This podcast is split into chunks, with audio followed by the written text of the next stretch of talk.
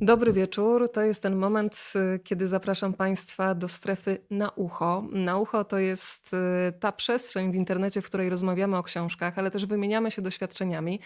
Bo prawda jest taka, że każdy z czytelników y, przefiltrowuje książki przez siebie. Czyta o bohaterach powieści, a jednocześnie ma takie chwile zatrzymania i może przyjrzeć się własnemu życiu. E, Bardzo lubię książki Grażyny Jagielskiej, ponieważ otwierają bardzo dużo ciekawych szufladek e, w naszych głowach, istnienia których nawet człowiek być może wcześniej nie podejrzewał. I już teraz przenosimy się na Mazury, gdzie jest e, pani Grażyna Jagielska. Dobry wieczór. Dobry wieczór, witam Państwa. E, Pisarka, tłumaczka, dziennikarka, podróżniczka, o tych wszystkich rolach i tożsamościach dzisiaj też e, będziemy rozmawiać. A ja tradycyjnie proszę Państwa o to, żebyście nam dali znać, w jakich miejscach w Polsce i na świecie nas oglądacie. I zachęcam do tego, żeby tym spotkaniem się podzielić, a można to zrobić w bardzo prosty sposób. Pod tymi oknami, w których nas widać, jest taki malutki guzik udostępnij. Wystarczy go nacisnąć i tym samym to spotkanie również pojawi się na Państwa facebookowej osi czasu. E, Rozmawiamy dzisiaj w taki szczególny dzień, 26 dzień maja w kalendarzu, Dzień Matki. E, To zanim otworzymy Pani Grażyna wspólnie Pani nową książkę Wszystkie moje domy, to zapytam o takie pierwsze wspomnienie, którym by się Pani chciała podzielić, związane z domem. Z domem w tym sensie emocjonalnym, ale też z domem w sensie takim architektonicznym. Zastanawiam się, jakie pierwsze skojarzenia pojawiają się w Pani domu, e, bo dom no, tak bardzo mocno się łączy z, z matką, z rodziną, więc od tego zacznijmy. To jest dom mojej babci. Mm, Architektonicznie bardzo ciekawy, bo z czerwonej cegły, stary dom e, z czerwoną dachówką. Mm, I e, właściwie pierwsze moje takie wspomnienie z dzieciństwa jest związane ze studnią. Prawdziwą studnią, z którą się e, wodę, wodę czerpało. E, I to było moje ulubione miejsce przesiadywania właśnie na tej, to się nazywało Ocembrzyna chyba, w ten sposób. Dawno nieużywane słowo. Przyznam szczerze, że kiedyś je słyszałam i bardzo dziękuję za to, za to przypomnienie. Co jeszcze podpowiadają wspomnienia na hasło dom? Bo za chwilę będziemy otwierać wszystkie moje domy, a tych domów w książce naszej bohaterki jest e, sporo, ale jeszcze sięgam do pani magazynu wspomnień. No właśnie i ten dom, e, dom wiejski, dom mojej babci, m, który e, chyba próbuję odtworzyć e, poprzez te wszystkie domy, m, przez które przeszliśmy w naszej, w naszej podróży przez życie. Mm, Jest to nieustająca próba nie tylko odtworzenia architektonicznego, bo to mi się nigdy nie udało. Nawet w detalach próbuję to robić, a to drzwi, a to okna, a to okiennice. I to em, daje mm, em, nie tylko przyjemność, ale właśnie takie poczucie e, może powrotu do, do najbezpieczniejszego miejsca, jakie się zdarzyło. Czyli, czyli do spokoju, do, do tego poczucia niezmienności, czy może przeciągnięcia tego czasu jak najbardziej, bo pamiętam właśnie takie dni z dzieciństwa na wsi, które wydawało się, że ciągną się w nieskończoność. No teraz to wiadomo, że po prostu to tylko gwiżdże nam koło uszu ten czas i, i te próby właśnie powrotu do, do, do takich detali, które kojarzą się z wolniejszym upływem czasu. Dla mnie na przykład okiennice wewnętrzne, które, które, które powodowały, że dom stawał się jeszcze bezpieczniejszy. Faktycznie takie okiennice, które z jednej strony w dowolnym momencie mogą się otworzyć na świat, ale też mogą się odgrodzić od tego świata, kiedy człowiek chce na chwilę się zanurzyć w swojej przestrzeni. Tak mi się kojarzą te okiennice. Te spotkania online powodują, że my faktycznie wchodzimy do swoich domów, E, więc poproszę jeszcze kilka słów na temat tego domu, w którym jesteśmy teraz. Jaka jest e, jego historia? No, e, waląca się chałupa, którą e, próbujemy utrzymać przy życiu na nogach. Wymaga to ogromnej e, ilości pracy. Jest to, jest to dom z bali, które trzeba nieustannie konserwować i właśnie jesteśmy po tych zabiegach na drabinie, malowanie domu. E, No i właściwie tyle mogłabym o nim powiedzieć. No, jest, jesteśmy do niego przywiązani, może dlatego, że stoi pośród lasów. Wydaje się, że z dala od, od cywilizacji, chociaż to oczywiście jest złudzenie, bo tak naprawdę y, jest poza cywilizacją tylko poza sezonem letnim, a w czasie, w czasie tych letnich miesięcy staje się celem pielgrzymek. Pani Grażyna, a czy to jest życie na dwa domy, czy to już jest taki dom docelowy, bo jest też sporo osób, e, które żyją w rodzaju takiego, nie wiem jak to nazwać, rozdwojenia, e, czyli jest jeden dom, który jest bazą na przykład w Warszawie i domek na przykład wiejski, do którego się ucieka, kiedy już się ma dość tego kołowrotka e, stołecznego. Jakie jest u Państwa? Nie, nie, mieszkamy, mieszkamy tutaj na stałe. No, zimy, zwłaszcza ostatnia, e, wymagały pewnych e, wysi- wymagają pełnych wysiłków, natomiast no, daje to takie, też taką, taką świadomość, że, że, że to się da zrobić, że jesteśmy ciągle w stanie e, jakby utrzymać ten dom przy życiu i czerpać nawet radość z tego, że, że żeby dojść do domu, trzeba odkopać sporo śniegu i, i to jest frajda ciągle, czy to, że trzeba przerzucić sporo drewna. To, to, to zapełnia, zapełnia czas, zapełnia również jakieś takie e, świadomość też zapełnia, no bo to są, to są rzeczy do wykonania, które trzeba wykonać po to, żeby w domu było ciepło na przykład. Codzienna organizacja dnia. To teraz już otwieram książkę Wszystkie moje domy. Pozakreślałam sobie bardzo dużo fragmentów, którymi oczywiście dzisiaj się będę dzielić z Państwem. Będę się też dzieliła książkami w sensie fizycznym. E, Małgosia Danowska z wydawnictwa WAB podarowała dla Państwa trzy egzemplarze. W jaki sposób trafią do Waszych domów? O tym zdążę jeszcze powiedzieć pod koniec naszego spotkania. Ale wspomniałam już Pani Grażyna o tym, że my rozmawiamy w tym momencie Dnia Matki i pomyślałam sobie, że macierzyństwo też jest bardzo ważnym tematem Pani książki, bo spotykamy naszą bohaterkę w jakim momencie? Powiedzmy w skrócie dla tych, którzy jeszcze nie mieli okazji, Mhm. okazji przeczytać. No, widzimy ją w momencie, kiedy zamyka drzwi za swoim ostatnim dzieckiem, najmłodszym. Ono, ono odchodzi, to dziecko. Mm, I dla bohaterki jest to hmm, taki moment, kiedy ona sobie wyobraża, że odzyskuje e, wszystko to, co musiała odłożyć przez 20 lat na później. I tak się wydaje przez jakieś 12 sekund, prawda? Że, że to koniec, właściwie nadchodzi wolność, nadchodzi wolność i to koniec z, z, nie wiem, z praniem, z gotowaniem i e, z wszystkimi tymi e, czynnościami, zabiegami wokół macierzyństwa, tego czynnego. E, No i właściwie na tym się jej wolność kończy, bo i idzie zrobić e, pranie. Czyli, czyli zamyka się natychmiast to, to koło, z którego chciała e, wyjść. Taki ślepy zaułek, który natychmiast trafia z powrotem mm, w ten zaułek. I to jest taki punkt wyjściowy. No i tutaj zaczynają się kłopoty, prawda? Bo mm, kiedy, y, kiedy człowiek w ogóle i bohaterka, bohaterowie stają w obliczu faktu, że właściwie nie wiedzą, co dalej ze, ze, swoim życiem zrobić, bo im się wydawało, że teraz e, mają przed sobą piękną drogę. No, a się okazuje, że, że, że nie tylko, że nie wiedzą, dokąd ta droga ma ich zaprowadzić, ale również nie bardzo potrafią mm, określić, czym są dla siebie. Po raz pierwszy stają naprzeciwko siebie, po raz pierwszy po 20 latach, bez tej osłony, jaką daje rodzicielstwo, czyli bez wszystkich zadań do wykonania. Mm.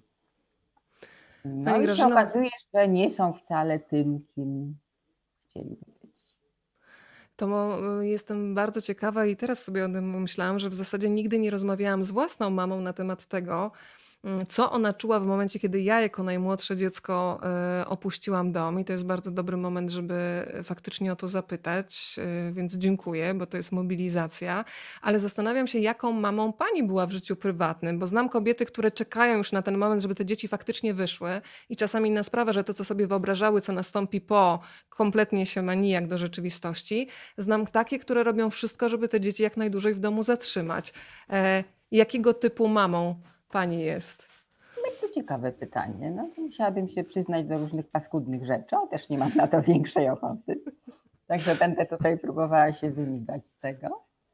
Nie, nie, żartuję. Mogę, mogę odpo- odpowiadałam już na to pytanie właściwie, także że nie boję się aż tak bardzo.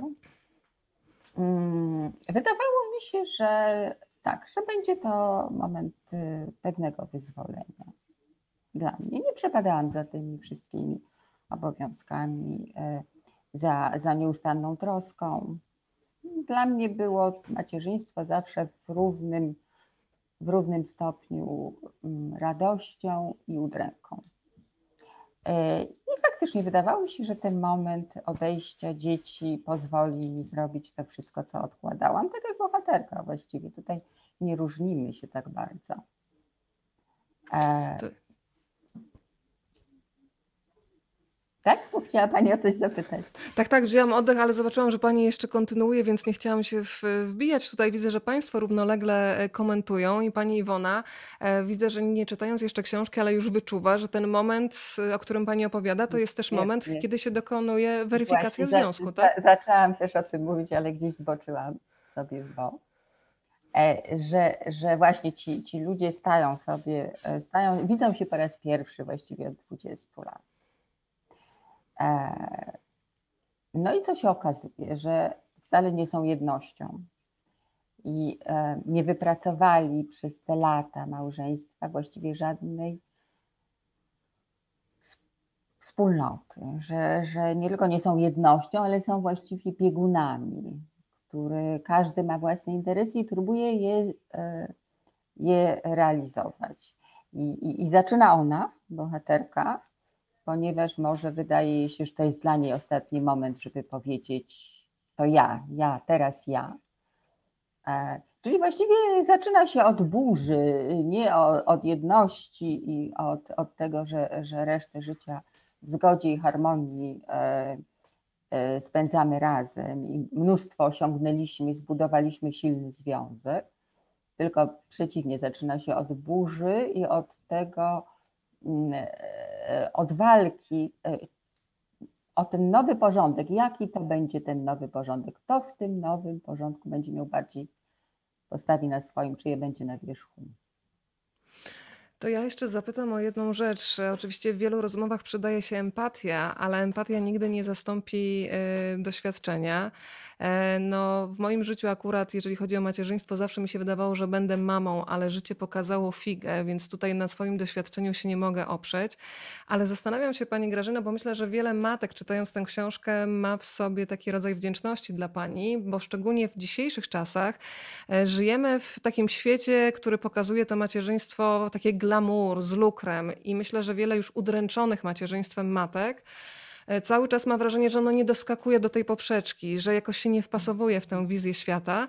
Czy można powiedzieć, że macierzyństwo, szczególnie w tym etapie, kiedy dzieci dopiero dorastają, są małe, jest trochę historią też znikania na rzecz innych? To brzmi brutalnie, ale chyba jest prawdziwe. No ale oczywiście, no to jest wpisane w ogóle w definicję macierzyństwa. No nie można i rodzicielstwa, nie mówmy tylko o Tak. matkach, prawda? Że nie można e, mieć dziecka jednocześnie zachować w 100% e, samego siebie. No to znika w momencie, kiedy dziecko się pojawia i mm, znikają wszy, wszystkie te mm, jakby wydawałoby się mm, gwarantowane e, konstytucyjnie prawa, na przykład prawo do snu, prawda? Ono po prostu znika. Nie ma tutaj odwołania, nie ma do kogo napisać podania. E, I tych takich, e, takich rezygnacji e, dobrowolnych i przymusowych jest mnóstwo w rodzicielstwie i tak w ogóle nie, da, to, to nie ma dyskusji tutaj i no, w miarę upływu czasu mój mąż się ob- obraca i patrzy ku mnie, rzucając przerażone spojrzenia, co ja mówię, ale, ale no, no, mówię prawdę, no prawdę, prawdę, własną prawdę, to nie jest żadna prawda ogólna, prawda? Są ludzie, e, którzy, znam takie, takie kobiety i ojców, którzy, którzy, którzy uważają i czują, że to e, rodzicielstwo jest wyłącznie radością i nie ma w nim żadnej udręki, chociaż wydaje mi się, że to, to, to zazdroszczę bardzo tym ludziom, ale uważam, że są w mniejszości. E, też tak myślę, szczególnie po takich szczerych rozmowach e, z rodzicami, którzy bardzo często też e, mówiąc o tych trudnych uczuciach, odnajdują w sobie coś, czego też nie chcą. Poczucie winy, że w ogóle dopuszczają te emocje do głosu, a chowając je pod przykrywką, chyba robimy sobie jeszcze większą krzywdę, więc dopuszczenie tego do głosu jest bardzo istotne. Ja wracam, Pani Grażyna, do tej książki po raz drugi i dzisiaj zdałam sobie sprawę z tego, może stąd mi się to wzięło to zdanie o historii znikania na rzecz innych, że o ile główny bohater ma imię Witek, to ona jest chyba bezimienna w tej książce, bo ja nie znalazłam tam imienia, chyba że przeoczyłam. Ja też nie znalazłam, ale uświadomiłam to sobie dopiero właściwie podczas rozmowy y, z, z, y, z, z panem Nogasiem niedawno. Michałem Nogasiem, tak. Mhm. Tak, który, który zapytał mnie, jak ona ma na imię, ta kobieta, a ja zaczęłam rozpaczliwie szukać w pamięci, jak moja bohaterka ma na imię. I niestety chyba w ogóle nie pada żadnej. Nie? Tak. Ale to świetnie pasuje do tej historii. Y, macierzyństwo jako znikanie dla świata do tego stopnia, że w zasadzie imię jest wręcz wymazane z tej przestrzeni, bo on jest, tak, on ale, jest Witkiem. Ale to pani teraz to wymyśliła. To jest świetne, ale to nie ja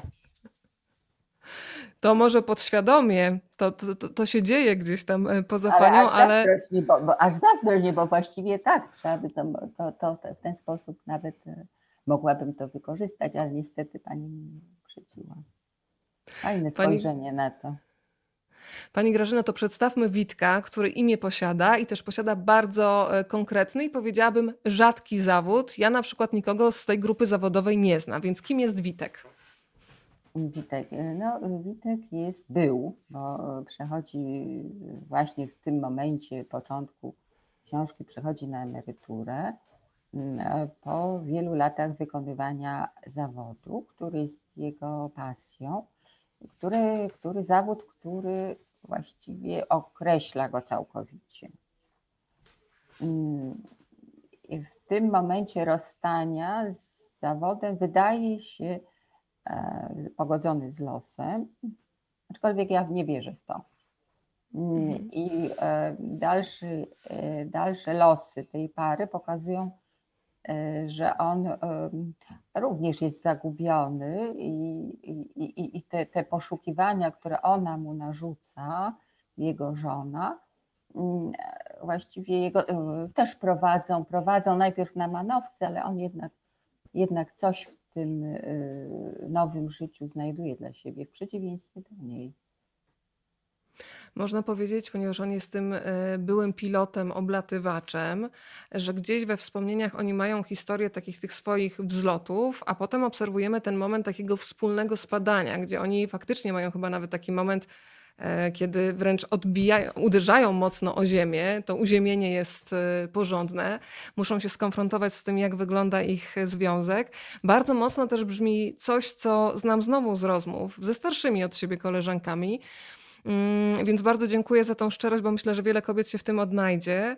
E, kiedy przychodzi do głowy takie podsumowanie i taka świadomość tego, że będąc matką, bardzo często kobiety są skazane na takie samotne podejmowanie, wydawało się, setek drobnych decyzji, ale za które trzeba ponosić odpowiedzialność, a nikt nie daje medali. To się faktycznie tak mocno odczuwa w macierzyństwie. Para, ale nie wiem, jedna strona jest bardziej aktywna zawodowo, a druga zostaje na tym obszarze domowym i naprawdę mierzy się z dużym obciążeniem psychicznym, czego się nie docenia. No jest to trochę też wymóg, bo przecież e, osoba, która idzie na 10 godzin do pracy poza domem, e, nie jest w stanie równocześnie zajmować się sprawami domowymi. E, jest bardzo obciążona tymi wszystkimi stresami, które z pracą są związane. I ta osoba, która pozostaje, może to być ojciec, pozostaje w domu, z dzieckiem, no siłą rzeczy podejmuje e, decyzję. Ja gdzieś czytałam też, że z chwilą, kiedy mm, e, dziecko się rodzi, no jest to na pewno jakiś proces, może zaczyna się już w ciąży, e, rozwija się ten kawałek mózgu, no, w głowie kobiety oczywiście, który jest odpowiedzialny za decyzyjność. Czyli jakby ta matka staje się bardziej e, nie tylko skłonna do podejmowania decyzji, ale też ma większe kwalifikacje do tego. Skoro jej się w tym momencie ten, ta część decyzyjna bardziej rozwinęła i ona jest odruchowo, odruchowa ta decyzyjność, no bo no faktycznie no, decyzje przy dziecku podejmuje się co chwila. I to są małe decyzje, a potem coraz większe. Zawsze e, budziło we mnie to nie tylko grozę, ale gniew, kiedy najbliżsi mówili mi, że mały kłopot, małe Tak, dziecko. małe dzieci, tak. Ma, znaczy małe dziecko, mały kłopot. Jak to, jak to jest możliwe, prawda? E, A to jest prawda niestety, że z upływem lat e, te kłopoty e, coraz większe się stają, ponieważ ich kaliber jest coraz większy. Prawda? Już nie chodzi o to, czy jechać e, do lekarza, bo dziecko kaszle, tylko mm, e, trzeba się zastanowić w ogóle nad jego losem na, na resztę życia. Jest też e, takie zdanie, e, jedno z wielu, które mnie zatrzymały. W życiu każdego człowieka przychodzi taka chwila, kiedy musi zrobić coś dla siebie, nawet jeśli potem trudno się z tego wytłumaczyć e, najbliższym. To zostawmy na chwilę główną bohaterkę książki, a skupmy się na autorce. Kiedy pani poczuła w swoim życiu taki moment, że to jest właśnie ta chwila dla mnie i nieważne, że ktoś inny na to dziwnie spojrzy, albo trzeba się będzie jakoś wytłumaczyć do tego prawa do zrobienia czegoś dla siebie. Pamięta Pani jakąś taką wajchę, wręcz taką symboliczną, że to Mhm. jest teraz? Tak, ale, ale przestraszę panią, bo to był moment, kiedy postanowiłam pójść do szpitala psychiatrycznego. Myślałam sobie, że to jest moment, właśnie ta chwila dla mnie. Nic mnie nie obchodzi, co, co się stanie z najbliższymi ludźmi w tym czasie, kiedy ja zniknę na pół roku. Ale jednocześnie my, myślę, że w tym jest też ogromna odpowiedzialność, y, bo wiem, że idę tam po to, żeby myśląc, jeżeli się wtedy w ogóle myśli z taką perspektywą odległą, że idę tam, żeby się uratować, żeby być dalej również dla nich. Tylko nie wiem, czy tak ten proces wygląda, czy wtedy jest w ogóle odcięty o ile pamiętam, o ile pamiętam, mm, chodziło mi głównie o wielką ucieczkę. E, to znaczy ogólnie spadam stąd. Mhm. E, czyli potrzeba y, zamknięcia, odseparowania, największą przyjemność y, wtedy, e, ulgę sprawiała mi myśl, że jestem na oddziale zamkniętym, gdzie nikt nie może do mnie dotrzeć, drzwi są zamknięte, a telefon komórkowy dostaję o godzinie 19 i mam prawo do używania go do 19.15. E, taki okres był mi bardzo potrzebny i nie myślałam wtedy, że jestem e, na oddziale zamkniętym dlatego, że chcę wyzdrowieć, służyć dalej innym, tylko wręcz przeciwnie. E, chcę służyć samej sobie. Piękne to jest. Y, We mnie bardzo często rozmawiają fragmenty różnych książek ze sobą. E, I dzisiaj sobie pani Grażyna uświadomiła takie spotkanie z psycholożką Natalią de Barbaro, która w swojej książce w Czułej Przewodniczce zadała takie krótkie pytanie, ile rzeczy w swoim życiu przeuśmiechałaś? I wtedy sobie uświadomiłam, że faktycznie było mnóstwo momentów w moim życiu, ale pewnie tak jest u każdego, gdzie w środku aż się gotowało od bólu, emocji, tęsknoty, złości, gniewu, a na zewnątrz była twarz albo neutralna, albo nawet sugerująca, że wszystko jest świetnie. E, I chyba to jest coś bardzo podobnego e, z pani bohaterką, że jej też można byłoby zadać takie pytanie, ile z trudnych spraw w swoim życiu przeuśmiechałaś? To jest dobra su- sugestia, czy, czy, czy ona by się odnalazła w takim pytaniu, czy nie bardzo? Myślę, że tak. Dlatego, że widać e, z tekstu, że dochodzi do, do tego momentu e, buntu bardzo późno. Mm, I z jej wspomnień, mm, e, jej wspomnienia pokazują, ile rzeczy musiała mm, w swoich reakcjach załagodzić. Bez sensu trochę. Mm, Nie potrafię tego wyrazić dobrze. E, Ile rzeczy udawała? O, po prostu mówmy wprost. Ile rzeczy udawała? E, Właściwie to będzie wszystko związane, co, je, co było związane mm, z jej życiem codziennym, nawet układanie kwiatów. Przypominam sobie w tekście jest taki fragment, kiedy mówi o tym z nienawiścią wręcz. Jest też e, taki fragment, kiedy ona się zastanawia, ile kilogramów ziemniaków na przykład e, I, obrała i, przez te, te ki- wszystkie i, I lata. te kilogramy, nie wiem, czy pani zauważyła, rosną w miarę Tak, jak e, tekst się posuwa do przodu. Najpierw jest to tam, nie wiem, 200 kilo, potem robi się pół tony ziemniaków. One narastają, ona ma jakby je dokładnie policzone, chociaż to oczywiście jest nieprawda.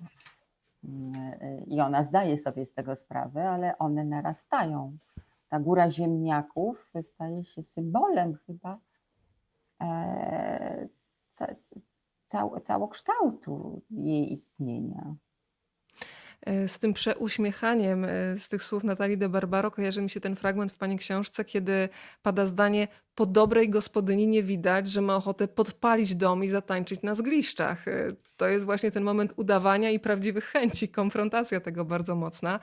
Dzisiaj odkryłam e, kolejny fragment, który jakoś przeoczyłam przy pierwszej lekturze. On jest jakoś dla mnie wzruszający i rozczulający, chociaż też pokazuje pewną taką nieporadność w sytuacji radzenia sobie z osobą, która przeżywa depresję. Jest taki moment, kiedy towarzyszymy naszym e, bohaterom, kiedy on na przykład próbuje zrobić jej makijaż. No ma dobre intencje, powiedzmy, ale w, w tej relacji jest jednocześnie coś tragikomicznego, ale też takiego no po ludzku czułego. On chce dobrze. Mhm. Natomiast jak czytam, e, e, bo przyznaję, że, że, że wzięłam tą książkę teraz po rozmowach, e, jakie odbyłam w ostatnich tygodniach, pomyślałam sobie, że ja nie wiem, o czym jest ta książka i postanowiłam ją szybciutko jeszcze raz przeczytać.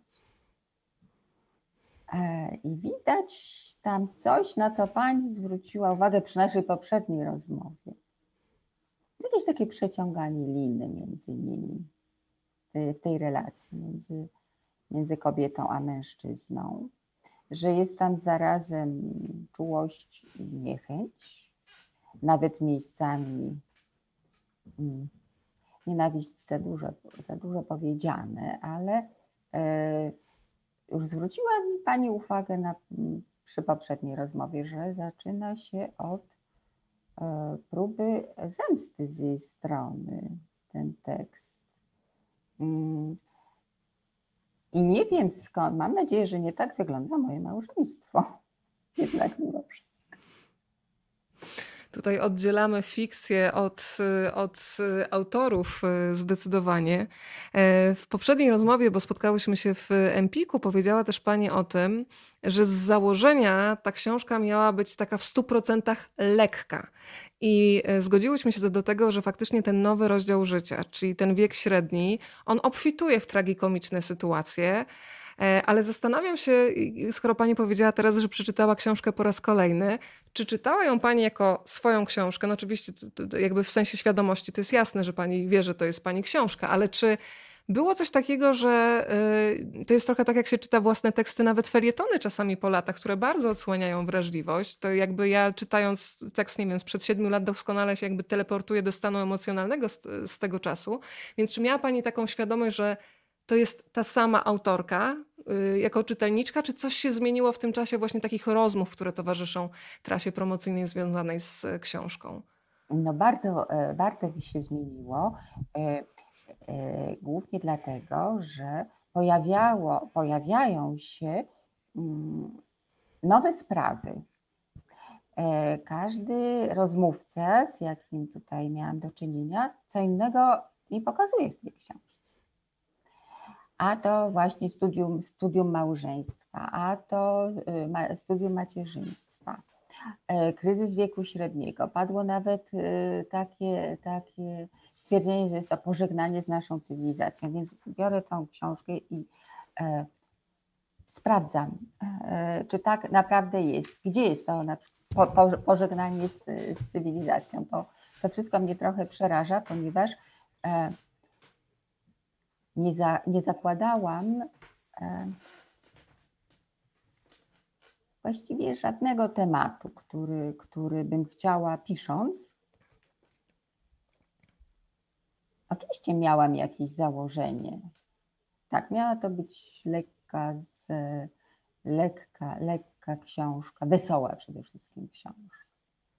E, I e, patrzę teraz na nią zupełnie inaczej, ponieważ Państwo pokazują mi też inne wątki i e, sprawdzam, czy one tam faktycznie są, ponieważ pisanie to jest chaos. To jest może wytworzenie chaosu, a potem próba wychodzenia z tego chaosu, przynajmniej dla mnie. E, twierdzenie, że jest jakaś metoda pisania, czy że chciałam koniecznie coś pokazać, czy miałam jakiś plan, jest w moim przypadku zupełnie błędne. E, ponieważ no, chaos sam w sobie nie ma żadnego, żadnego realnego, stałego punktu.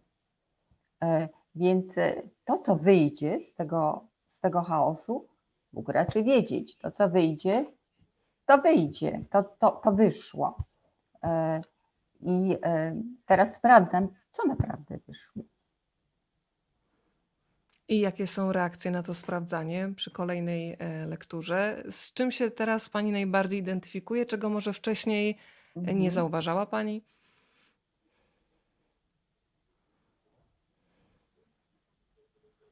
Jest w tym taka trochę saty, satyry, trochę satyryczne spojrzenie, e, ironiczne spojrzenie na Mm, na te współcześnie obowiązujące e, sposoby na to, żeby e, mm, na szczęście czy na pogody ducha, na zrównoważone życie, na to wszystko, co nam podsuwają, recepty na, na szczęście, które nam podsuwają powiedzmy specjaliści od tego. E, filozofowie, pisarze, nawet naukowcy i przewodnicy duchowi. Mm, z tego nie, nie, nie, nie, nie bardzo sobie zdawałam sprawę pisząc, a teraz dostrzegam taki, taki, taki przegląd trochę jakby tych recept na życie, które e, w przypadku bohaterów się nie sprawdzają.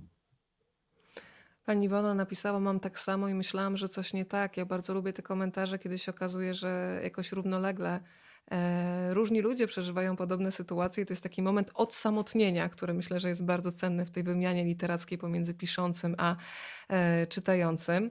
To porozmawiajmy jeszcze, Pani Grażyna, trochę o tych momentach tragikomicznych, e, czyli e, motyw robotników, który się pojawia w książce. E, wyobrażam sobie, że to też są doświadczenia zgromadzone, na przykład związane z tym domem na Mazurach, e, w którym Państwo mieszkają, bo żeby doprowadzić dom z Bali do użyteczności i dbać o ten dom, no to potrzeba wsparcia fachowców, e, tylko że no z tymi fachowcami bywa różnie. I jakie to są doświadczenia i czy ten dystans i właśnie humor człowiek potrafi zachować w trakcie dziania się różnych sytuacji, czyli kiedy ten, te różne fidrygałki odstają albo tam zabrakło pięciu centymetrów blatu, różne sytuacje się zdarzają. Czy to jest coś, do, do czego człowiek dochodzi potem już po czasie i z dystansu może się do tego po prostu uśmiechnąć, a tak to ma wrażenie, że nie on wykończy dom, tylko dom go po prostu wykończy. No wiadomo, że, że dom wykończy i w momencie, kiedy to się dzieje, to człowiekowi nie jest w ogóle do śmiechu przeciwnie, wydaje się, że to nie jest chwilowa niedogodność, czy chwilowy kryzys, czy chwilowy trudno, chwilowa trudność, tylko, tylko jest to stan, który e, nie tylko będzie trwał wiecznie, ale w ogóle właśnie nas wykończy. E, no to budowy, remonty, wiadomo, że przerastają właściwie nas wszystkich e, i potrafią zupełnie stłamsić naszego ducha. Także śmiać się, e, owszem, mogę z tego i spisywałam mm, rozmowy e, panów fachowców na bieżąco, ponieważ bałam się, że nie zapamiętam.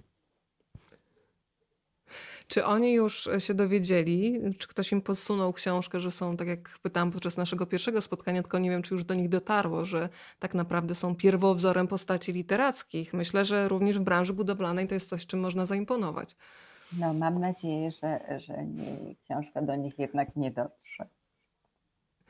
A jak jest e, w tym środowisku mazurskim? E, czy sąsiedzi na przykład wiedzą, że w tym domu mieszka Grażyna Jagielska, pisarka, tłumaczka, pan Wojciech Jagielski, pisarz, były korespondent wojenny? Czy wy jesteście już częścią społeczności miejscowymi, czy jednak tymi miastowymi, którzy przyjechali i, i trochę bawią się w wiejskie życie? Jaki jest odbiór? Przede wszystkim jest to dom, w którym mieszka Wojciech Jagielski, korespondent wojenny, a ja jestem zdecydowanie na doczepkę.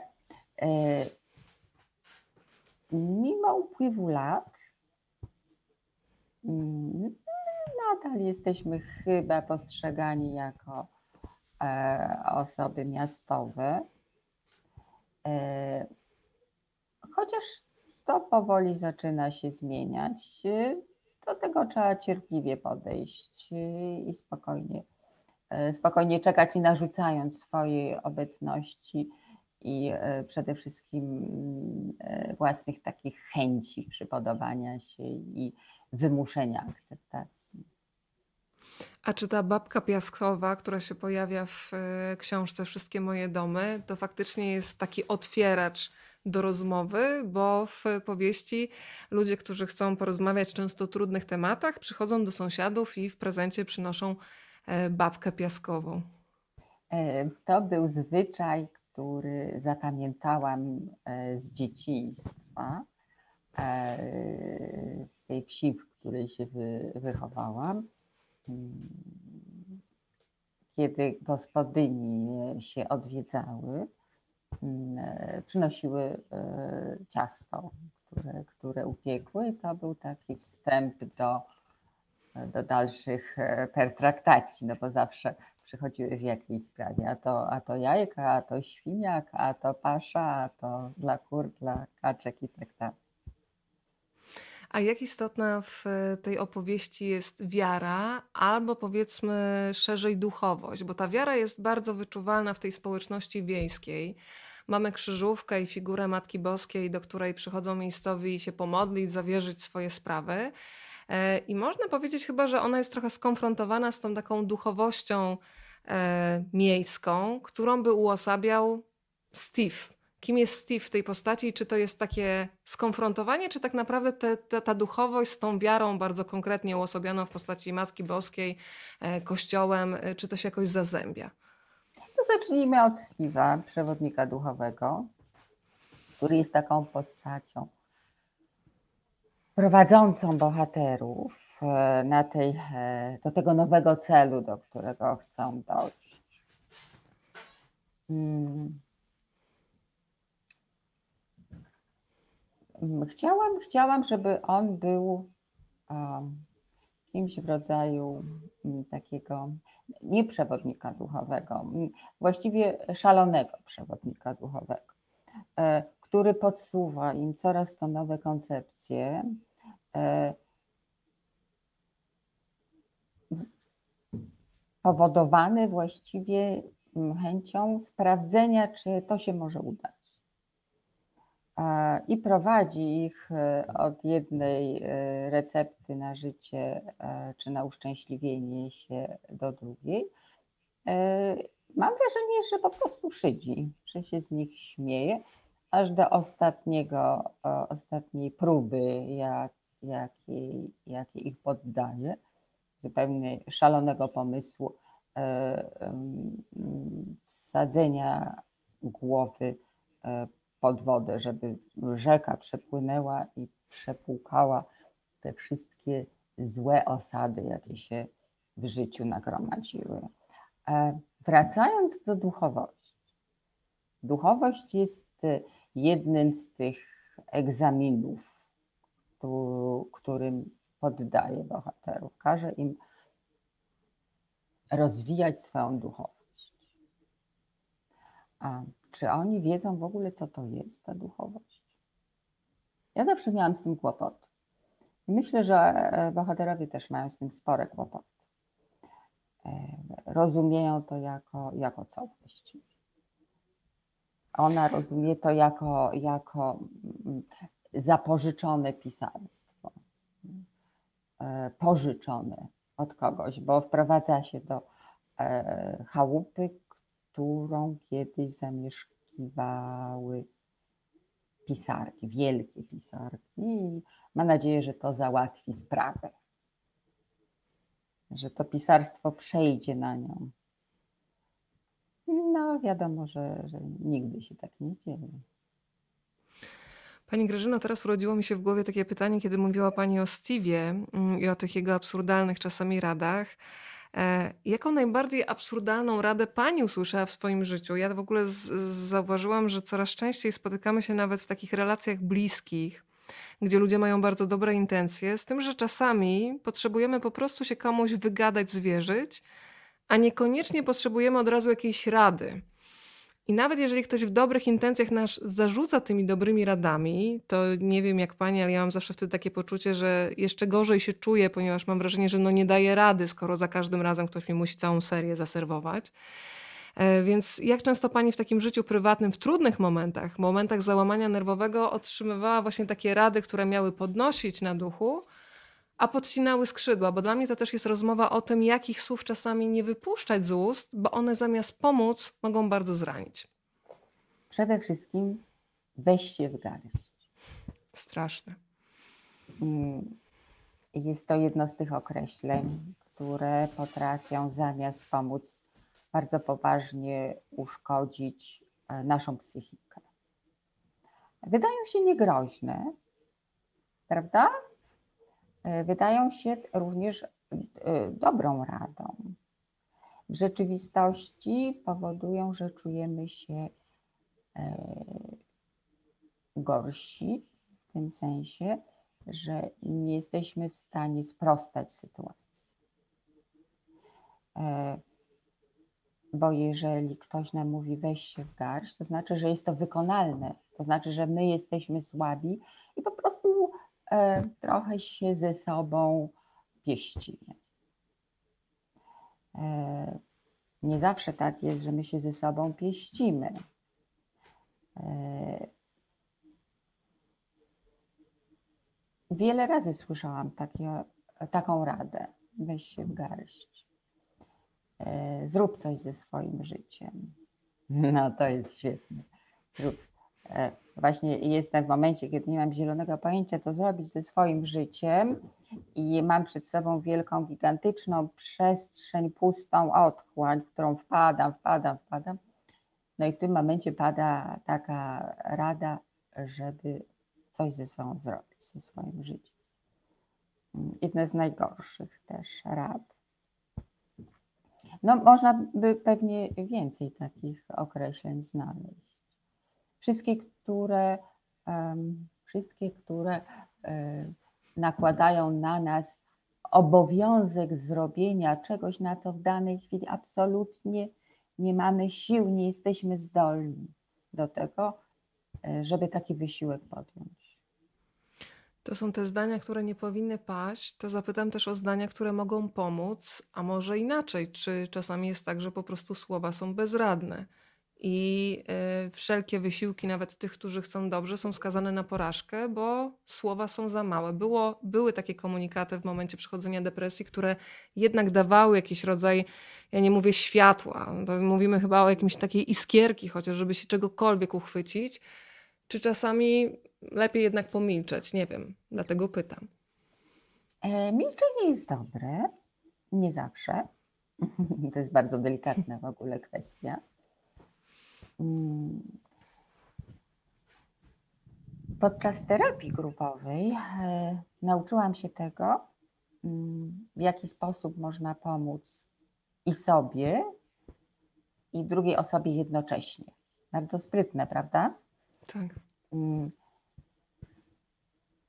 W momencie, kiedy ktoś nam mówi e, o swoich, powiedzmy, kłopotach, problemach, czy o tym, że nie jest w stanie podjąć wysiłku, jakim jest następny dzień, Najlepszą metodą pomocy jest mm, odniesienie się do własnych doświadczeń. Czyli e, przyjaciółka mówi nam, e, słuchaj, no właśnie dowiedziałam się, że mój mąż mnie zdradza. Ciężka sprawa, no bo e, można pomóc, można pomóc mówiąc o własnych problemach z mężem w tym momencie, e, albo o tym, co się samemu e, doświadczyło, e, w, nawet na innym polu. Natomiast, żeby ta, to, to, to musi być odniesienie do, do własnych przeżyć doświ- doświadczeń, podane w ten sposób, że nie jest to narzucenie własnych, e, włas, własnych jakby z, e, e,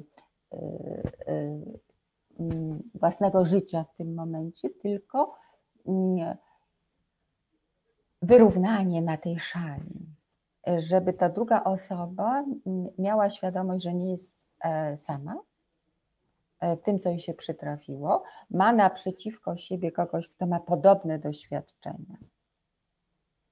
Nie wiem, dlaczego to pomaga, ale pomaga za każdym razem.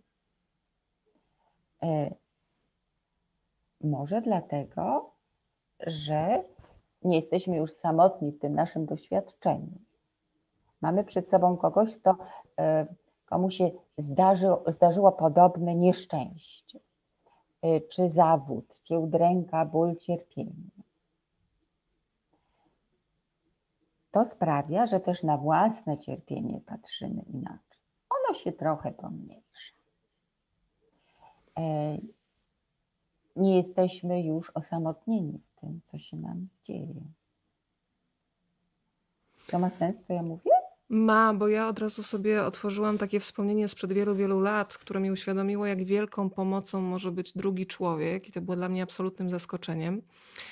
Raz w życiu y, zawędrowałam na spotkanie grupy AA. Byłam kiedyś młodą, zakochaną dziewczyną, która y, no, weszła w taką, a nie inną relację. Szczęśliwy był finał, y, bo już kiedyś tu Państwu o tym opowiadałam, więc to nie jest żadna wielka tajemnica, ale no, spotykałam się ze sobą uzależnioną, związek się rozpadł, ale mężczyzna wyszedł na prostą i teraz, kiedy się, myślę, mijamy na ulicy, to z dużą wdzięcznością do siebie, ale dla mnie to był moment odkrycia grup y, AA i pamiętam, że były tam osoby z przeróżnych środowisk, a jednocześnie w tych opowieściach przewijał się jeden i ten sam temat, czyli alkoholu i rozczarowań z nim e, związanych. A wspominam ten wątek alkoholu, bo połączyły mi się tutaj trzy niteczki. Jedna, o której pani wspomniała, czyli siła wspólnoty i tego odnajdywania siebie w doświadczeniach innych.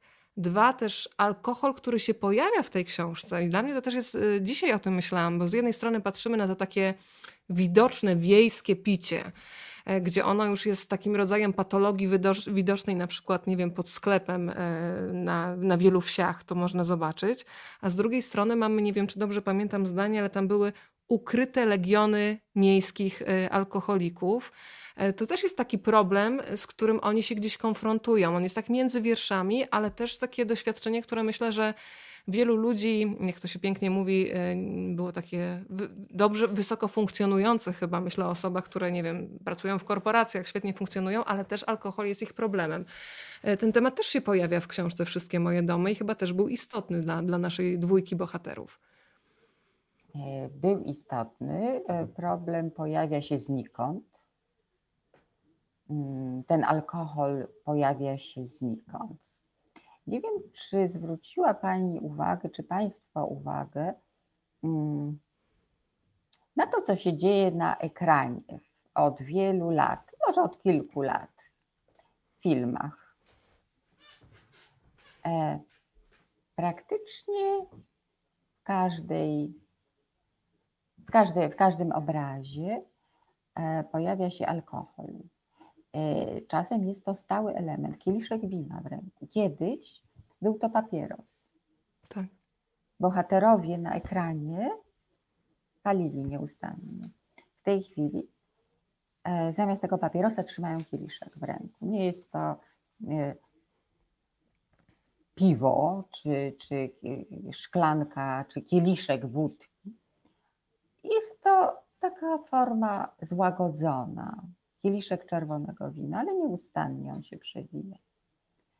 E, I u bohaterów to też się tak pojawia, e, właściwie niegroźnie, niegroźnie i w pewnym momencie staje się bardzo dużym problemem, e, z którym starają się walczyć tak, jak umieją najlepiej.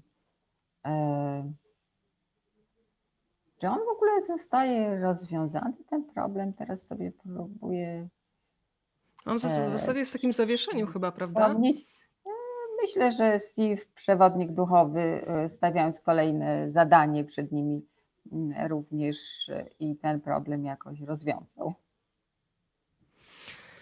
To ja jeszcze się zatrzymam przy tych e, opowieściach e, związanych e, z takim życiem, mm, siłą rozpędu. Jest takie zdanie, go dokładnie nie zacytuję, ale mam nadzieję, że uda mi się oddać jego sens, że w zasadzie nie mamy na nic wpływu, płyniemy z jakimś prądem, mało tego, nie mamy nawet czasu, żeby przegadać to, co się dzieje.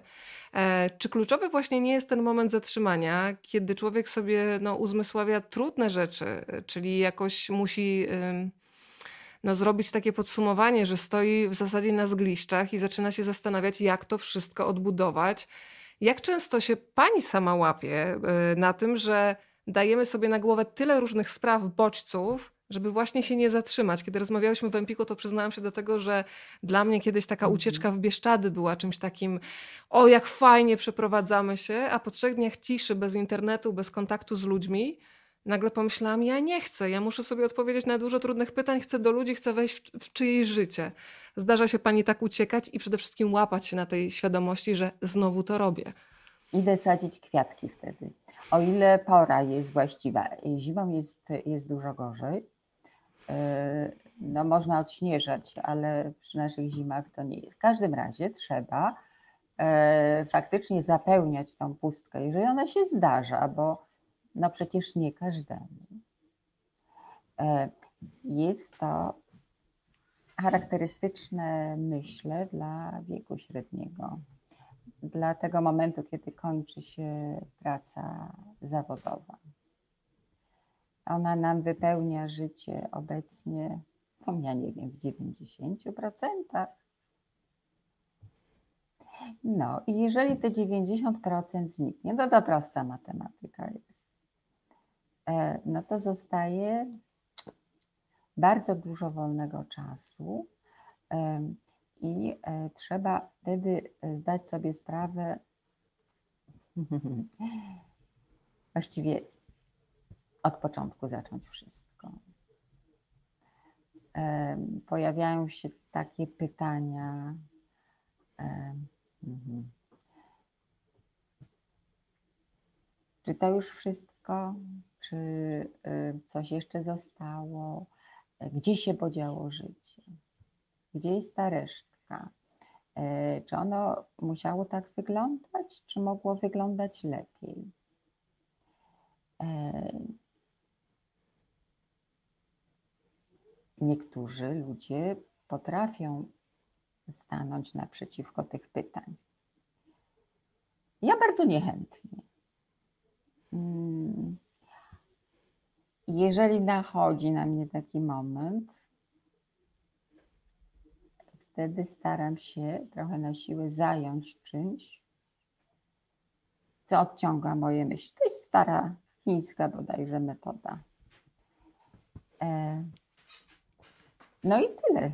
To, to, to, to, to, to, to by było na tyle. Czyli trzeba robić coś, co nas zajmuje, choćby w- na jakiś czas.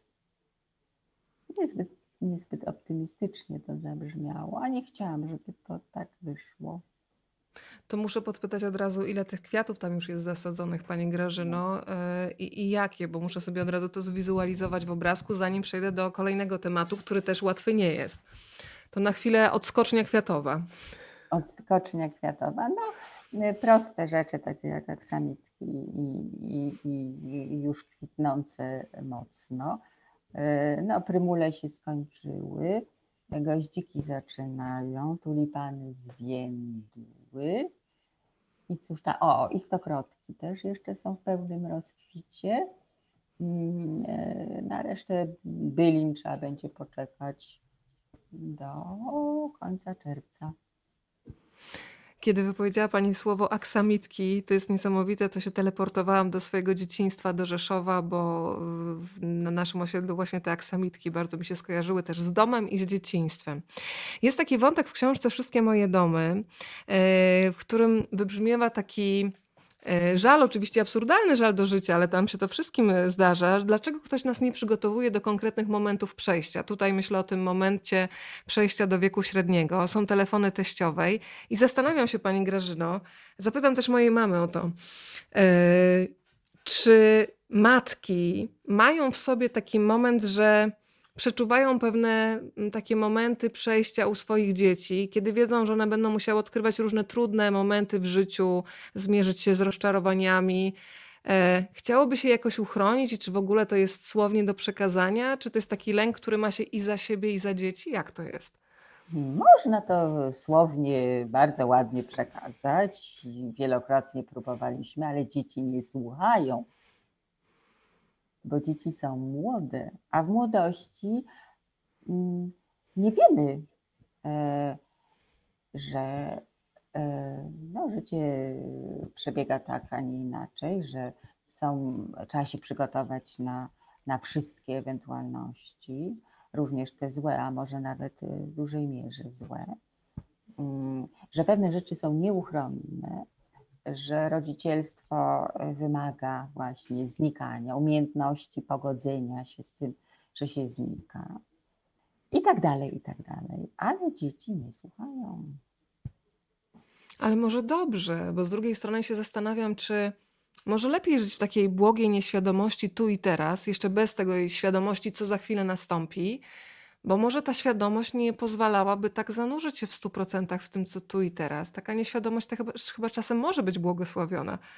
No przede wszystkim młodość e, jest błogosławieństwem i nie można jej e, wa- zatruwać e, własnym doświadczeniem życiowym, bo przecież młodzi ludzie mają zupełnie inną wizję życia to jest piękna wizja. To jest wizja, w której nie ma przemijania starości i śmierci i zawsze jesteśmy młodzi. Jest też taki bardzo ważny wątek y, w tej książce, który też połączył mi się z y, rozmowami pewnie sprzed roku, ale dokładnie pamiętam takie spotkanie, kiedy siedziałam z koleżanką nieco starszą ode mnie. Y, I powiedziała mi coś takiego ważnego, o czym nigdy nie myślałam, że wiesz co, tak się cieszę, że w sumie dopiero w małżeństwie się okazało, że ja i mąż myślimy mniej więcej w ten sam sposób, że zmierzamy w tym samym kierunku. I powiedziała coś, co mnie zaskoczyło, ale potem jak zaczęłam to analizować, to stwierdziłam, że to jest chyba jednak regułą. Mówi, wiesz co, myśmy nigdy na przykład wcześniej nie przegadali, czy chcemy mieć dzieci, co wydawałoby się no, dość istotne dla pary, bo trudno tutaj gdzieś potem schować swoje potrzeby, jak chcemy żyć, jaki jest nasz sposób życia i szczęśliwie się tak poukładało, że patrzymy w tym samym kierunku. I ja sobie uświadomiłam, że większość par, które znam, no, y, nawet by pomyślało, że to jest wręcz taki wyrachowany sposób, żeby przed powiedzeniem tego najważniejszego tak, siąść z karteczką i pomyśleć, co jest dla nas ważne. Jak z perspektywy czasu bohaterka, ale też osobiście autorka, patrzy na takie, y, patrzy się trochę z lotu ptaka na ten etap taki bardzo młodzieńczy, myślę o tym czasie 20-30.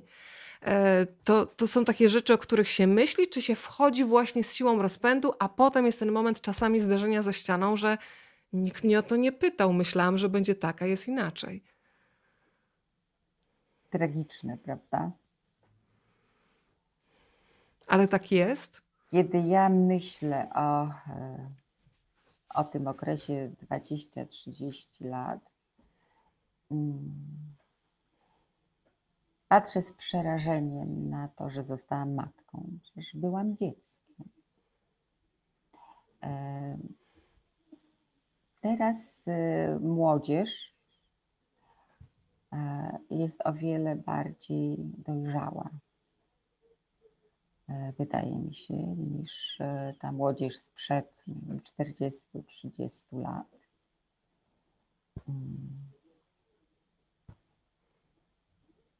A w czym są dojrzalsi? Bo to jest dla mnie zaskakujące. Ja nawet miałam wrażenie, że, Mhm. Że może mm, współcześni młodzi ludzie, nie wiem, może są nawet bardziej roszczeniowi, bardziej właśnie mają taką przedłużoną młodość, bo też to macierzyństwo następuje coraz e, później E, i też oczywiście można się spierać, czy to świadome macierzyństwo jest lepsze, czy gorsze. Myślę, że nie ma jednej reguły, u każdego to wygląda inaczej, bo każdy z nas niesie inną historię, inny bagaż doświadczeń. Ale y, dlaczego pani powiedziała teraz, bo to jest dla mnie ciekawe, że chyba są dojrzalsi? Więcej wiedzą o życiu. O sobie. O tym, co chcą osiągnąć. Mają plan. Mm, Nawet z tego, co pani teraz powiedziała, są bardziej roszczeniowi, ale to oznacza istnienie jakiegoś planu. Że wiedzą, czego chcą, to prawda. Wiedzą, czego chcą i w jakiej kolejności można to osiągnąć. E, Myśmy, przed, znaczy pokolenie, moje pokolenie, szliśmy drogą rodziców, większości. E, Niewiele myśląc. E, Droga była wytyczona, więc nie, nie trzeba się było nad nią wiele zastanawiać. E, Czyli małżeństwo, dzieci, najlepiej dwójka, a potem zobaczymy. No dzisiaj chyba to, to, to, to, to taki 20-30-latek roześmiałby mi się w twarz, e, gdyby mu zaproponowała taki model jego życia. No on wie o wiele lepiej, on wie o wiele więcej. To też jest bardzo ciekawe. Faktycznie teraz już ta e, perspektywa większej dojrzałości mnie przekonuje. Faktycznie e, wystarczyło trochę zmienić optykę spojrzenia e, i już to bardzo mocno do mnie teraz trafiło. Mm, Jest taki wątek, który też pojawia się symbolicznie, a o tym, o, o nim też troszeczkę rozmawiałyśmy w Empiku, więc chciałabym trochę ten wątek rozwinąć. Wątek, który no, wiąże się z wejściem w wiek średni, czyli wątek choroby, która może zbliżać, może oddalać, może być elementem jakiegoś wspólnego doświadczenia. A jednocześnie, Pani Grażyno, nie wiem, czy Pani się ze mną zgodzi, ale każdy z nas, co jest straszne, ale w chorobie zostaje sam. Bo choćbyśmy uruchamiali nie wiem jaką empatię, wrażliwość, delikatność, to nigdy nie wiemy, z czym do końca się e, mierzy ten człowiek, któremu chcemy towarzyszyć w chorobie. Jest taka samotność. Zresztą ta bohaterka, ona w zasadzie, jak e, myślę o bohaterce wszystkich moich domów, to oni są we dwoje trochę kontra świat. Nie budują jakiejś takiej mocnej wspólnoty gdzieś rozgraniczonej z przyjaciółmi, ale ja już teraz zaczynam meandrować za bardzo. Skupię się na, tym, na tej samotności w chorobie. Pani mi zadaje bardzo trudne pytania. Ja nie na wszystkie, ja, ale nie na wszystkie znam odpowiedź. Mhm. E, czy w samotności, czy, czy w chorobie człowiek jest samotny? No, mm. ja czuję, y, czuję obecność męża w chorobie. Mogę mówić tylko o sobie, bo Tak. nie mogę mówić ogólnie o całej ludzkości, bo nie znam w ogóle odpowiedzi właściwej. E, Nie czuję się w chorobie, nie czuję się sama, ponieważ e, mój mąż jest bardzo empatyczną osobą i potrafi być ze mną, obok mnie. To nie oznacza, że to jego boli e, tak samo, czy, czy, czy tak samo odczuwa mm, depresję, e, czy stan lękowy, natomiast bardzo wiele rozumie. To już jest wystarczające. To porozmawiajmy jeszcze o takim wątku. Zastanawiam się, pewnie pani też to zna trochę ze swojego życia, bo nasi bohaterowie no, przechodzą różne etapy pomysłów e, na dom. Najpierw następuje ta destrukcja, potem następuje też takie oczyszczanie przestrzeni, bo ten wątek zarastania przedmiotami się pojawia. Jest przyczepa kempingowa. Czy ma pani w swoim życiu takie doświadczenie, na przykład e, coś, co za mną bardzo chodzi, ale myślę, że też e, byłoby bolesną konfrontacją z rzeczywistością, czyli podróż kamperem, gdzie mam tak niewiele, jestem wolna, ale jednocześnie może być trochę klaustrofobicznie. Takie doświadczenia ograniczania, czyszczenia rzeczy z y, nadmiaru to jest coś, co pani zna? To jest jedynie moje pragnienie. Bardzo bym chciała coś takiego zrobić. E, Po tylu latach, po tylu latach małżeństwa, i rodziny, tych rzeczy jest bardzo dużo. Trzech czwartych są to rzeczy zupełnie niepotrzebne. E, nie tylko niepotrzebne na dzisiaj, tylko ich obecność e, pokazuje te wszystkie mm, potrzeby, które były nieprawdziwymi potrzebami. Gromadzenia rzeczy, które potem okazują się do niczego niepotrzebne. E, czasem mam taką wizję, że wyrzucam rzeczy w mojej głowie. Jakby to było, gdybym e, nie miała w swojej historii tylu zestawów wypoczynkowych. Po co one mi były potrzebne? E, przestawały mi się podobać. E, jeżeli się spojrzy z perspektywy kogoś, kto ma prawie 60 lat, to tych e, zestawów wypoczynkowych no, było bardzo dużo. To rodzi takie pytanie. Po cholerę mi to było. Czy nie lepiej by było wykorzystać nawet ten czas, jaki wybranie, wymyślenie, pójście do sklepu, cała ta organizacja wymiany kolejnej kanapy, e, czy nie, nie dałoby się tego jakoś inaczej wykorzystać? Zapomniałam, o co mnie pani pytała tak naprawdę. O tym takim, o, czy, czy to doświadczenie na przykład kampera było czymś, co było pani, ale jak najbardziej pani mi odpowiedziała. Zastanawiam się, gdybyśmy dzisiaj nie były w czasach pandemicznych i gdyby jednak została taka podjęta decyzja, jadę, jedziemy, y, to byłby jakiś kierunek, gdzie tym kamperem chciałaby pani dotrzeć i przynajmniej spróbować, jak to wyobrażenie o tym ograniczeniu, samoograniczeniu zderza się z praktyką, to jaki kierunek zostałby obrany? I muszę jechać kamperem. Tak? Mm, nic, nic nie trzeba, ale załóżmy, że zostaje podjęte to ryzyko. E, no, zdecydowanie Morze Śródziemne, tamten kierunek. E, chociaż nie jest to moim marzeniem. Moim marzeniem jest osiąść gdzieś w miejscu, które byłoby, czyli znowu kolejny dom. No i proszę, jak pięknie nam wyszło. Czyli ten e, dom z Bali na Mazurach znowu zostawiamy i budujemy jakiś kolejny, tak? się nad, nad Morze Śródziemne z widokiem na niebieską przestrzeń. A zastanawiam się. Pani Pocna, mąż się ucieszy. Podziękuję mi za to na pewno. Pani Grażyno, to zapytam jeszcze, ponieważ ma już Pani doświadczenie mm, takie, że książka stała się bazą dla filmu, dla jakiejś wolnej interpretacji, rzecz jasna. Czy wszystkie moje domy pani sobie jest w stanie wyobrazić jako film? Bo ja sobie myślę, że, że tak. Taka bardzo kameralna opowieść, która myślę, że e, nie wymagałaby dużego budżetu. Myślę o tych lokalizacjach, bo, e, bo te historie się rozgrywają często w czterech ścianach albo w takich przestrzeniach wiejskich, czy, ale jednak ograniczonych, więc realizacyjnie to jest jak najbardziej do przeprowadzenia. Widzi Pani tę historię na ekranie i czy, i czy w ogóle chciałaby ją oddać? Ja ciężko przeżyłam mm, tą ekranizację, jedną, jaką mam na swoim koncie. Myślę, że nie chciałabym powtórzyć tego doświadczenia. To było dziwne.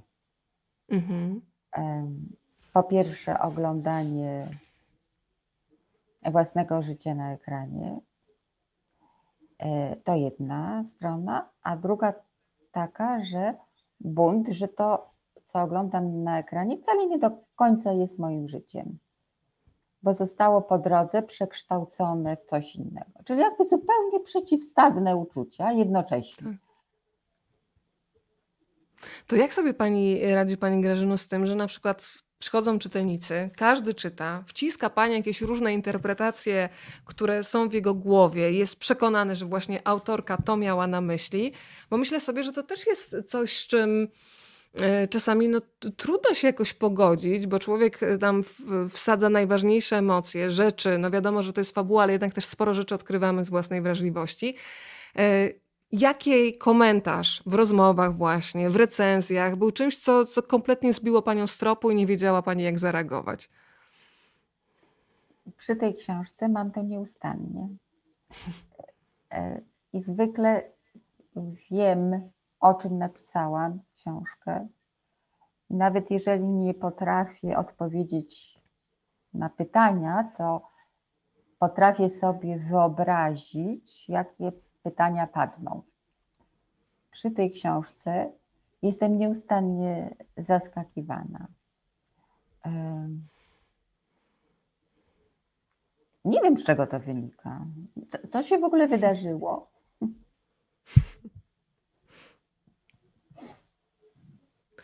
A ja jeszcze muszę dopytać, ponieważ dzisiaj sobie wróciłam do tej naszej rozmowy empikowej mm, i e, złapałam się na tym, że chciałam o coś dopytać, a wtedy nie zdążyłam, bo powiedziała Pani, że e, przed książką Wszystkie moje domy napisała Pani jeszcze jedną książkę na tyle smutną, że wydawnictwo powiedziało, że jej nie wyda.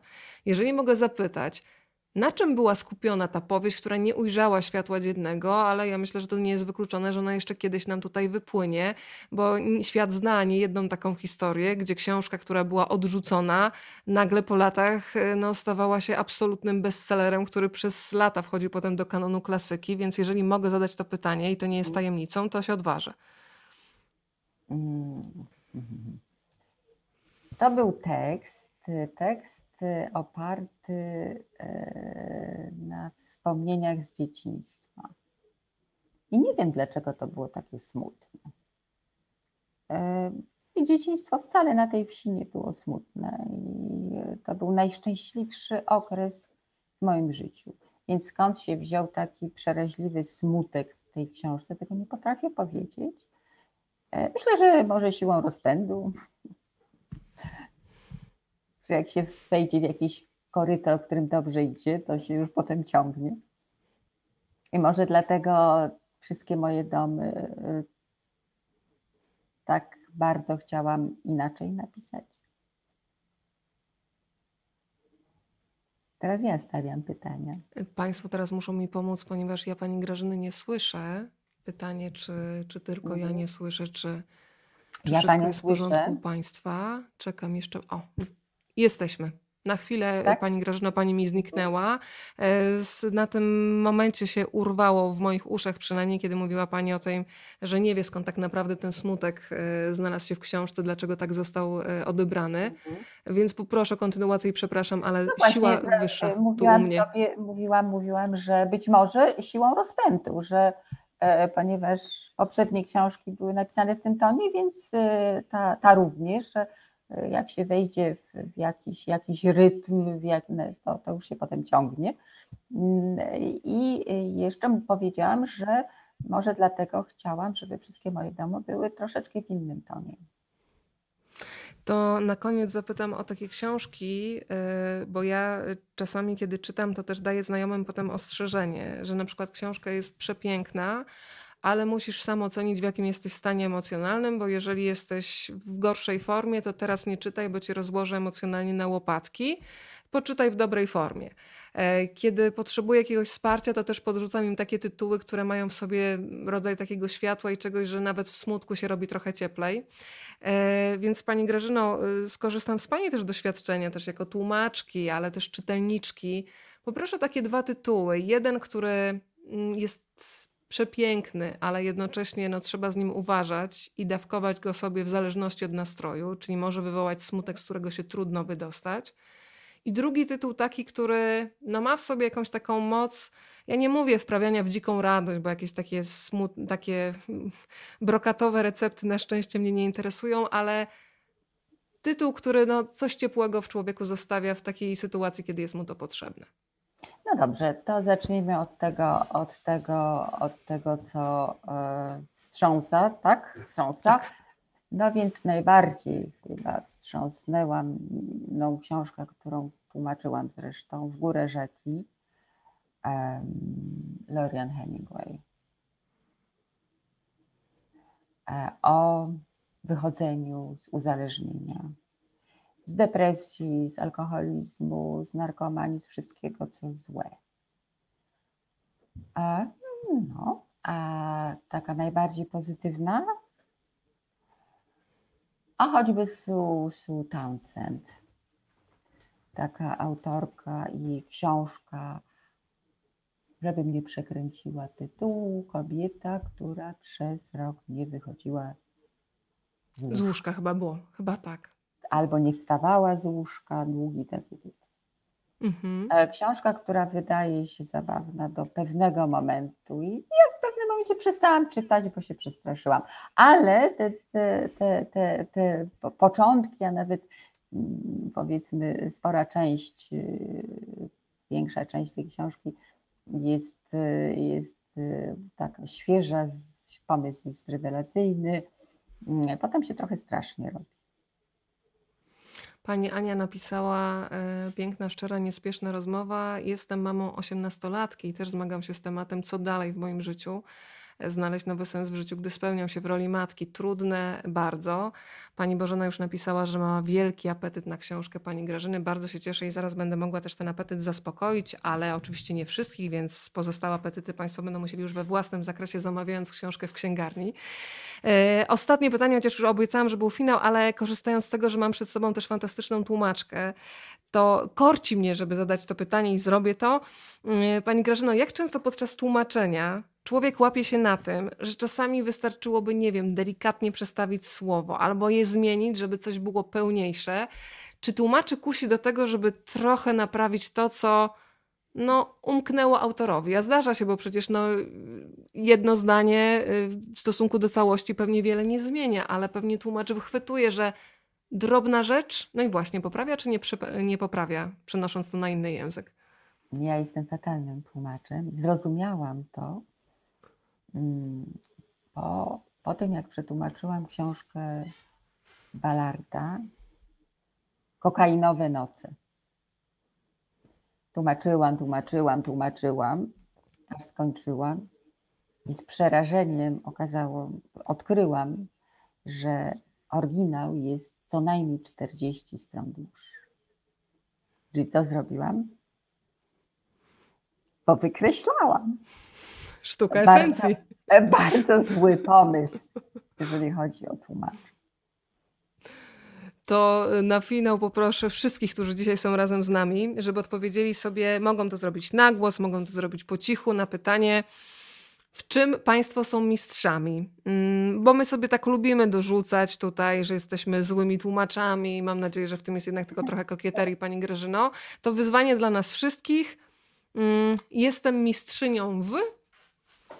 Pani Grażyno, stawiam Panią przed takim zadaniem na, na dobrą noc. Jestem mistrzynią w kuchni indyjskiej.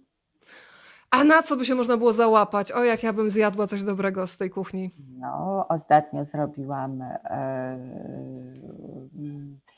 nawet udało mi się zrobić chlebek nan. No, jakie to jest dobre. Z masełkiem? E, I z czarnuszką. I z czosnkiem. E, także tutaj mogę powiedzieć zupełnie spokojnie, że jestem mistrzynią patelni. To ja dzisiaj bardzo dziękuję za nakarmienie nas też dobrym, wrażliwym, mądrym e, słowem i obiecałam Państwu wszystkie moje domy. Dzisiaj złamię zasadę, ponieważ zazwyczaj pytam autorów o ich ulubioną cyferkę od 1 do 10. A dzisiaj mam dla Państwa zadanie. Zadanie niespecjalnie skomplikowane, ale poproszę o wymienienie przynajmniej trzech tytułów poprzednich książek Grażyny Jagielskiej. E, I pierwsze trzy poprawne odpowiedzi zostaną nagrodzone książką. Podaję Państwu adres rozmawiam, bo lubię małpa Zaproszę też na nasze kolejne spotkania. Widzimy się 31 maja z Anną Ciarkowską, jej książką Dewocje. Kolejna poruszająca lektura przed nami. Startujemy o 20.30, a ja jeszcze Państwa zapraszam na jutro na wirtualne targi książki w Empiku. E, Spotkanie z Markiem Jarkowcem, autorem książki Rewolwer obok Biblii, w co wierzy Ameryka. Świetna książka reportażowa, o niej też będziemy rozmawiać. Pani Grażyno, wysyłam całą moc dobrych myśli. Tak jak e, wspominałam, dziękuję za to nakarmienie nas wszystkich e, dobrym słowem. E, I trzymam ksią- książkę teraz w rękach, ale trzymam kciuki za kolejną. Czy coś już jest w głowie, co się przekłada na papier, czy to jest ten moment odpoczynku i jeszcze, jak ustaliłyśmy ostatnio, czytania literatury dziecięcej dla odreagowania? Absolutnie w głowie nie ma kompletnie nic teraz, pustka. To jest taki dobry moment, kiedy można przewietrzyć myśli i zrobić przestrzeń na nowe. Pięknie dziękuję za to spotkanie. Życzę dobrej nocy Pani, Pani Grażyno i wszystkim, którzy dzisiaj spędzili ten wieczór wspólnie z nami. Dziękuję bardzo. Dziękuję bardzo.